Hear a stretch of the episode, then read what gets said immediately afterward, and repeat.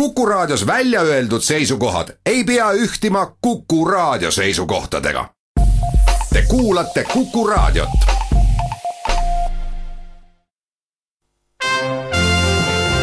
Tallinna Filharmoonia esitleb Filharmooniline huvitaja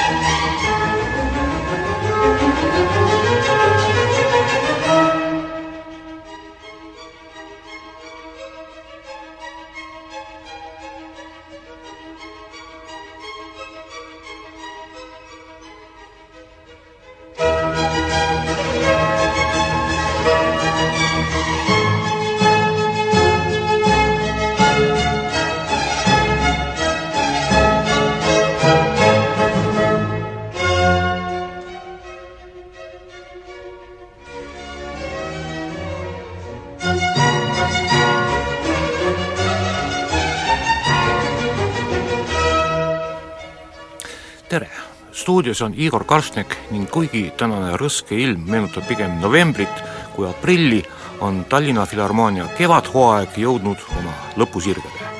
juba mai alguses toimuvad hooaja viimased kontserdid ja nendest me tänases saates juttu teemegi. Tallinna Filharmoonia kevadhooaja lõpetamine on sel aastal selles mõttes eriline, et maikuus toimuvad muusikaõhtud on pühendunud Wolfgang Amadeus Mozartile ja tema muusikale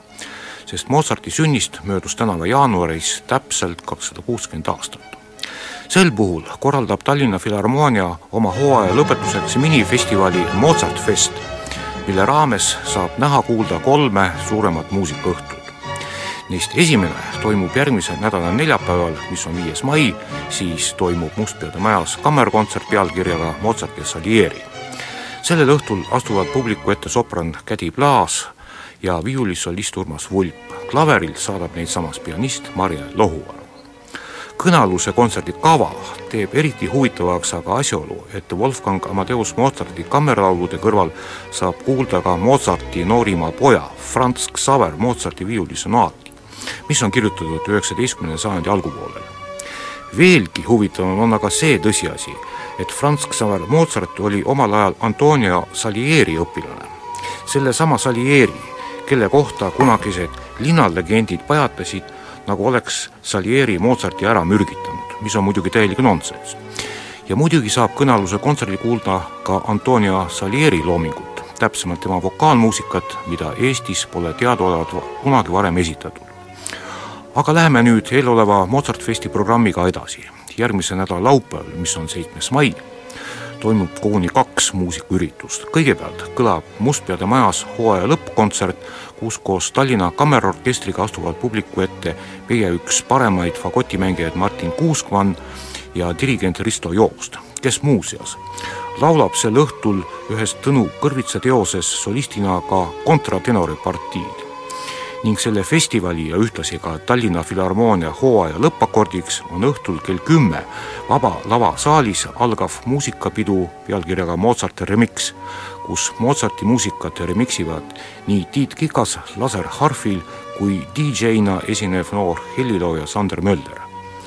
aga meil ongi nüüd telefoniühendus Tallinna Filharmoonia uue kunstilise juhi ja Tallinna Kammerorkestri peadirigendi Risto Joostiga. tere, Risto!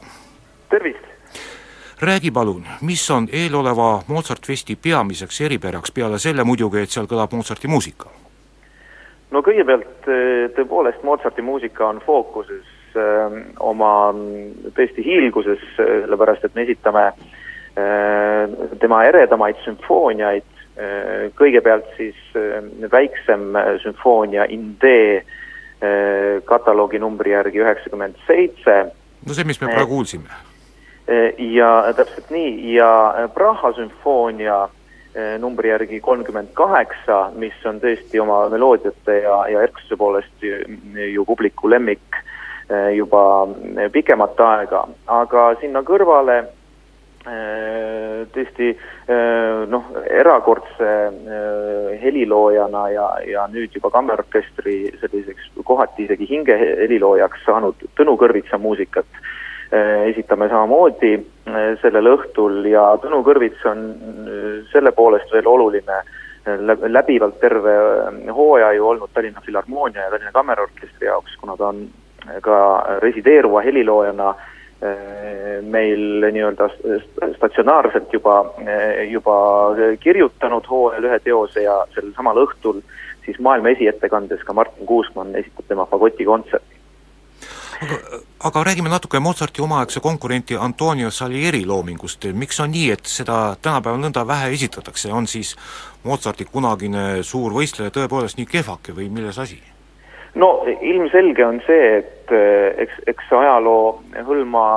ju vajuvad nii tuntud kui tundmatud teosed, aga see, miks ühe või teise helilooja käekäik Äh, on siis kas hea või halb, sõltub väga mitmest faktorist, et ehk siis muusika enda kvaliteet ei olegi tihtipeale äh,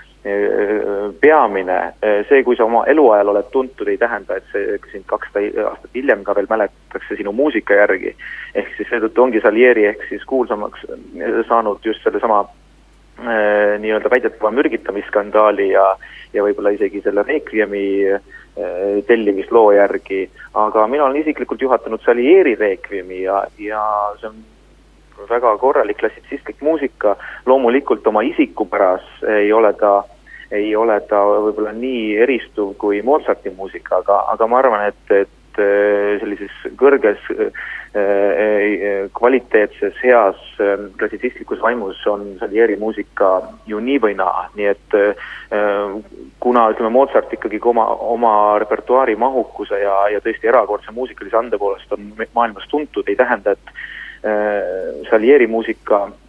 ei, ei kõlbaks kontserdilavadele no vot, ennist oli juttu, et Mozarti kõrval äh, kõlab äh, festivalil ka Tõnu Kõrvitsa muusika, vot nüüd küsimus on nagu äh, selles, et kas ja kuidas sina Mozartit ning Tõnu Kõrvitsat enda jaoks seostad, kas siin üldse mingisuguseid pidepunkte on sinu jaoks? jaa, loomulikult ma ise mõtlesin sellesama küsimuse peale ja tegelikult esmajoones nad tunduvad isegi ütleks väga lahus olevat. Aga jällegi teisest küljest ähm, sellist ütleme, hooaja lõppu äh, Mozarti muusikaga tähistada on, on suurepärane ja samal ajal kui mõelda, et Tõnu Kõrvits on olnud nüüd läbi aasta meie resideeruv helilooja, siis, siis tegelikult selline aktiivne komponeerimisprotsess ja, ja looja natuur tegelikult tuleb minu arust mõlema helilooja puhul väga eredalt esile, olgugi et nende muusika öö, oma olemus võib-olla ei ole nii tihedalt seotud, nii et minu, minu jaoks selle kava puhul ei olnudki prioriteet tegelikult siduda nagu stilistiliselt neid kahte heliloojat, kuivõrd rohkem sellise looja natuuri läbi ja, ja, ja minu jaoks on Mozart kogu aeg esindanud sellist elavat vaimu, mitte siis ajaloo hõlma vajunud komponisti hinge ja talenti. Ja Tõnu Kõrvits ju hetkel seda meie jaoks kahtlemata on, nii et et siin tekib pigem selliseid ähm, teisel tasandil huvitavaid paralleele ja, ja loobki võib-olla veelgi parema kontrasti räägiks nüüd mõne sõnaga ka Mozarti poja Franz Xaver Mozarti muusikast, kuidas sa seda iseloomustaksid, ma eeldan, et sa oled seda kuulnud, kui palju siis poeg oma geniaalse isa varju jääb? Äh, no mina, äh, mina ütleks nii palju, et, et ta ju ise kirjutas samamoodi, et oli kogu aeg selline väike mure, äh, et ta, ta peaks nii-öelda käima oma isa jälgedes. ja, ja sama tegelikult oli ka ju ütleme siis juba varasemalt saksa muusikatradisioonis Johann Sebastian Bachiga, aga kõik nad ikkagi leidsid mingisuguse oma isikupära ja, ja minu jaoks on Franz Xaveri muusikas täpselt samasugust sellist innovat-, innovaatilist äh, vaimu, seepärast et ega, ega tegelikult pojad ju alati arendasid ka ka isa loodud stiili edasi läbi harmoonia, läbi äh, rütmiliste äh, kujundite, nii et tegelikult seal on niisugune sellist loomulikult head klassitsismi vaimu, aga samamoodi ka äh, isikupärast äh, rütmikat ja, ja harmooniaarendust ja ühte asja jõuan ma veel sinu käest küsida, et mida sa interpreetina hindad Mozarti loomingus kõige rohkem ja, ja ütleme, mis on tema teoste esituses kõige raskem saavutada? no kõige, kõige rohkem ma hindan ikkagi tema kõikehõlmavat muusikalist annet, mis tegelikult teeb lihtsalt inimese rikkalt rõõmsaks. Ma arvan, minu jaoks on see isiklikult kõige tähtsam, et tema muusikat esitades ma tunnen, kuidas minu energeetiline tase puhastub ja uueneb ja, ja ta inspireerib ja ta inspireerib ju publikut ja ta, see on ka kirjutatud publikule, et see on nagu väga oluline nüanss võib-olla, mida tänapäeval kohati nii palju isegi ei kuule, et heliloojad pigem mõtlevad, ütleme, sellise kontseptuaalse idee peale, aga kas see on spetsiaalselt ka nüüd muusik, ütleme siis muusika näol siis meelelahutusliku elemendina mõeldud, selles ma ei ole nii kindel, Mozart kahtlemata seda mõtles ja ta mõtles, kuidas šokeerida, kuidas üllatada, aga tema selline peenfiligraansus ja tegelikult faktuuri selgus nõuab muusikatelt, muusikutelt hästi palju, seepärast et rütmiline pulss peab olema ähm, väga selge ja ühtselt tajutav ja loomulikult äh, kõik finessid äh, alates siis äh, kaunistute, kaunistustest lõpetades tõesti suurte kontrastideni, et see, et see publikule korda läheks, selleks peavad kõik võrdselt panustama no nii, aitäh Risto Joosile selle huvitava jutuajamise eest. aga meie saateaeg hakkab nüüd paraku otsa tiksuma ja tuletan siis veel kord meelde, et järgmise nädala lõpus toimub Tallinna Filharmoonia kontserdihooaega lõpetav Mozartfest, täpsemalt siis neljapäeval ja laupäeval. aga vaadake ise täpsemalt järele Tallinna Filharmoonia kodulehel www.filharmoonia.ee stuudios oli Igor Kalšnek ja meie saadet jääb lõpetama Antonio Salieri muusika